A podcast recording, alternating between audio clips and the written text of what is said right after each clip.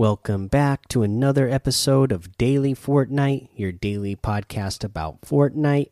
I'm your host, Mikey, aka Mike Daddy, aka Magnificent Mikey. So today we had another Ninja Battles. Again, it turned out really good. I'm, you know, it just just seems like that the Fortnite community really likes uh, the Ninja Battle. So hopefully they will continue. Today was the last one scheduled, uh, but you know it seems like the community really likes it, uh, and it seems like the community around Ninja really likes it, and you know Ninja has been recently. Uh, swayed back into Fortnite ever since SypherPK uh, convinced him to pick it back up and start playing again because this season has been so much fun. Uh, and uh, you know, Ninja has been getting back into Fortnite a little bit more than he uh, has been over the last uh, however long. So hopefully, uh, he'll host some more of these because it seems like everybody really likes it. But uh, for this Ninja Battles, we had Acorn, Jacques, and Slacks win pretty handily as well. They won by 18 points, 69. The next closest uh, teams. There was three teams that all tied together with 51 points. Um, uh, but you know they placed well ahead of everybody else, so uh, pretty good stuff. You know, after that, the next stuff in competitive that we have on the schedule is uh, FNCS. So, uh, you know, let's kind of go over some stuff in FNCS that got announced. First up, let's um, uh, put this out there that Fortnite put out was final reminder today is the last day to apply for activating Twitch drops on your channel channel fill out the survey here uh, and there's just a link and you just uh, you know fill out the survey to make sure that you can have uh, drops on. Again, this is if you are going to be uh, live streaming the FNCS, you can watch it. You can also stream it and comment over it and have like a viewing party, and you can have the Twitch drops on your channel so that way people who are watching your channel can get the free items that they're giving out uh, this season for FNCS. Uh, let's see here.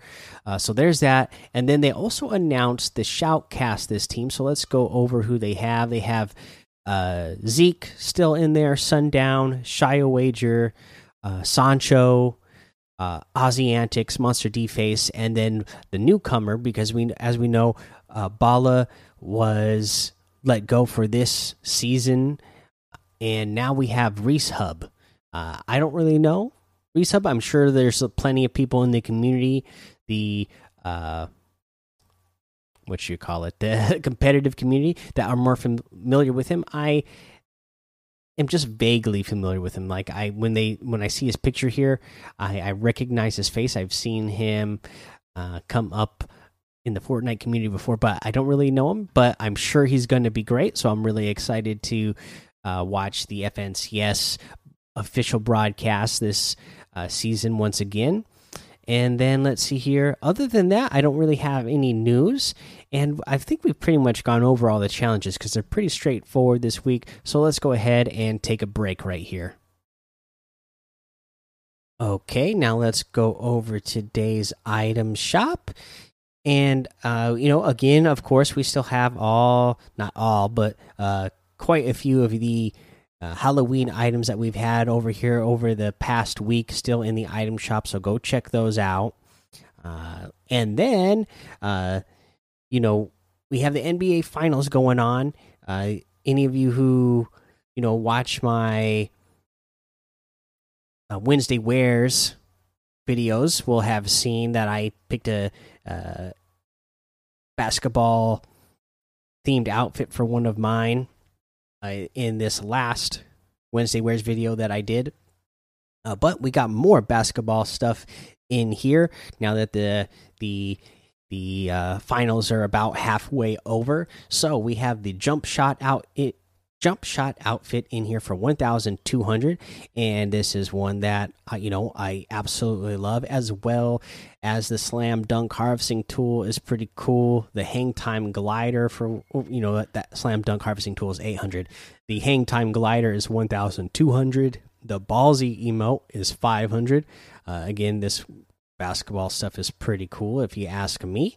Doing some sweet moves there uh, the baller emote for 500. Again, doing some awesome basketball tricks. Got the triple threat outfit for 1,200. Absolutely love this one. I got this one. This was like one of the first outfits that I ever uh, bought back all the way back in season four.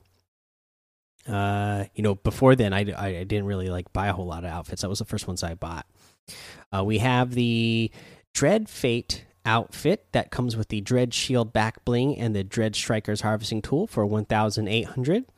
The Dread Omen outfit with the Dread Shroud back bling for 1500. The Dread Oracle axe harvesting tool for 1200. Uh, we have uh, the Guff outfit with the Fluffle bag back bling for 1200. And I absolutely love this outfit. Uh, again, especially that back bling uh, with those swords and everything, just remind me so much of Adventure Time, and I love Adventure Time so much. So, absolutely love this character. The Regal Floof harvesting tool for 800. You have the one of my most favorite outfits in the game, the Tsuki outfit with the Tana back bling for 1200. The Copper Wasp outfit with the Striped Stalker back bling for 1500 the Power Punch Harvesting Tool for 1200, and the Stinger Wrap for 300. You got the Rapscallion outfit for 1500, the Spectral Axe Harvesting Tool for 800, the Bold Stance emote for 500, the Party Hips emote for 200, the Treat Yourself emote for 500. Uh, this one is a good Halloween themed one where you're holding, you know, a trick or treat bucket with a bunch of candy in it, and then you're shoving it in your face. So you got to love that. The Scarlet Defender outfit for 800. You can get any and all of these items using code Mike Daddy M M M I K E D A D D Y in the item shop, and some of the proceeds will go to help support the show.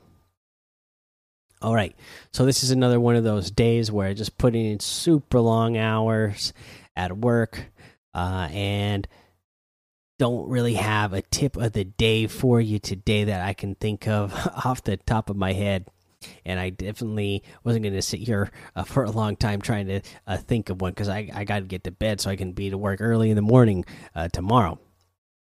Uh, but uh, you know, I I will uh, I'll, I'll, start making a list of some some more tips throughout the you know for the season, especially since you know we got the the FNCS about to start up and it's going to be trios. So I'm going to start coming up with some more tips uh, for uh, trios type of play. Uh, but until then, that's the episode, guys. So go join the Daily Fortnite Discord and hang out with us. Follow me over on Twitch, Twitter, and YouTube. It's Mike Daddy on all of those. Head over to Apple Podcasts, leave a five star rating and a written review for a shout out on the show. Make sure you subscribe so you don't miss an episode. And until next time, have fun, be safe, and don't get lost in the storm.